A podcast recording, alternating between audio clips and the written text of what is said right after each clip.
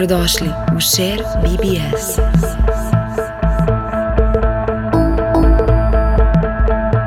Welcome to Share BBS.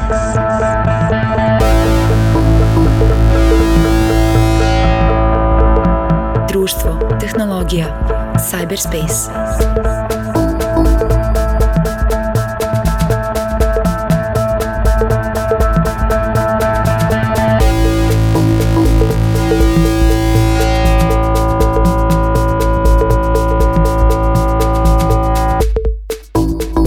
Dobrodošli u Share BBS.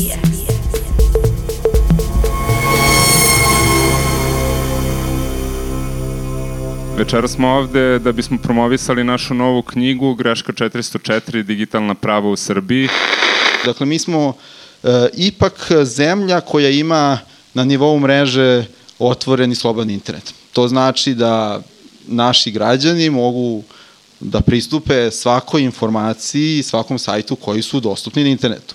I to je danas privilegija koju gotovo pola čovečanstva nema. Dakle, e, internet se filtrira i cenzuriše u čitom svetu i to ne smemo uzeti zdravo za gotovo jer situacija i kod nas može da se promeni. E sad naravno to što imamo, da kažemo, otvorenu mrežu ne znači da je situacija sjajna i upravo o tome svedoči ova naša publikacija i 500 slučajeva povreda digitalnih prava i internet sloboda u ovom periodu. Ja sam čuo za kompromitaciju ogromnih baza podataka, više milionski baza podataka više desetina miliona ovaj, podataka. Međutim, nikad nisam čuo da je neko uspeo u jednom trenutku da kompromituje kompletnu bazu podataka punoletnog stanovništva.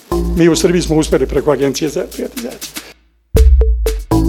Lični podaci skoro svih punoletnih građana Srbije zapravo su najmanje lični. Agencija za privatizaciju ih je slučajno ili ne učinila javnim i dostupnim, ama baš svakome. Agencija za privatizaciju sumnja da je u konkretnom slučaju najverovatnije došlo do ilegalnog hakerskog upada na servere.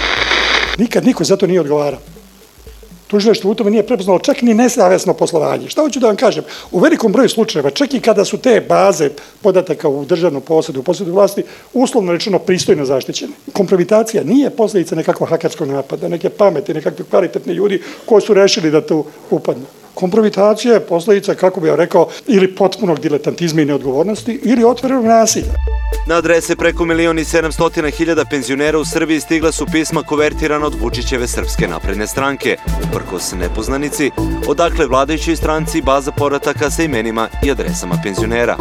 Penzioni fond ima jednu od najvećih baza porataka u Srbiji, koja ne sme da se koristi u političke svrhe. Ali dovoljno je da neko moćan poželi i ta baza podataka ode u posud recimo neke političke stranke. To je, pazite, to je sa, sa aspekta bilo koje zemlje i sredine u kojoj bi želi da idemo, to je varvarizam, to je nezamislivo. Ono što je najbitnije, ni zato niko nije odgovara. Mi smo ovo počeli da pratimo od 2014. godine, kada su počele poplave i kada se zapravo desilo neko vanredno stanje u društvu i to se vrlo brzo prelilo na internet. E, čitavi sajtovi i vesti su počeli da nestaju sa interneta, a pojedinci su privođeni zbog toga što su iznosili svoje mišljenje.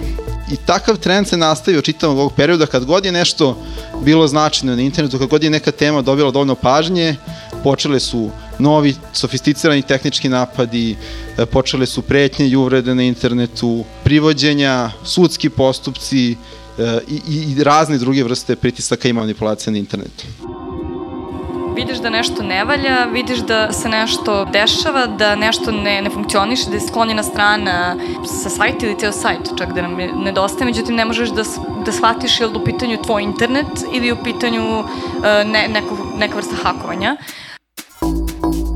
E, mi smo imali više situacija. Jedna od tih je bila skidanje konkretne vesti, odnosno teksta sa sajta. Imali smo zatim i hakovanja gde nam cijel sajt nije radio jedno vreme, nego je bila nekakva uh, albanska, navodno, zafrakancija ovaj, postavljena na njega i nije ni bitno šta je na kraju krajeva, ali prosto smo onda malo više počeli da obraćamo pažnju tome šta radimo i kako radimo. Ono što mi možemo da radimo je da edukujemo sebe i svoje okruženje upravo o tim pretnjama, odnosno takozvana medijska i digitalna pismenost kao nešto što je izostalo u celom ovom procesu korišćenja interneta praktično 24-7. Pazite, nama je sajt i nama je baza podataka sve. Mislim, peščanik ako nema bazu podataka, on ne postoji. Prema tome, nije samo pitanje da li će tog e, momenta sajt opstati ili neće, nego šta će se desiti s našom bazom tekstova, kojih ima 20.000 i ne znam koliko emisija. To je istorija ove zemlje u velikoj meri, ona kako smo je mi videli. Tako da smo ovaj, bili paranoični, bili smo opsednuti time, ja mislim da smo davali više novca nego što je bilo potrebno, jer je to bilo bezbednost, bezbednost, bezbednost i na kraju naravno ispostavilo se da vi tu bitku ne možete da dobijete. I u nadi, dakle, da možemo da koristimo ovaj, mreže i naše čitoce kao neko ko će distribuirati sadržaj ukoliko sajt bude oboren. E sad, izazovi pred nama su brojni, svakog dana vidimo kako države uz pomoć privatnih kompanija ulažu sve više i više resursa u nove tehnologije, u veštačku inteligenciju kako bi imali što više kontrole nad podacima i informacijama. Možda i trenutno najbolji primer za to je najavljeni sistem pametnog video nadzora u Beogradu, Mi smo juče sa partnerskim organizacijama objavili jednu analizu o tome zašto Ministarstvo unutrašnjih poslova mora da prekine sa svakom daljom radnjom ovakve obrade podataka i s implementacijom ovakvog opasnog sistema, jer ovakav sistem, ukoliko bi bio implementiran kako je najavljen, predstavlja mogućnost za potpunu kontrolu jednog društva.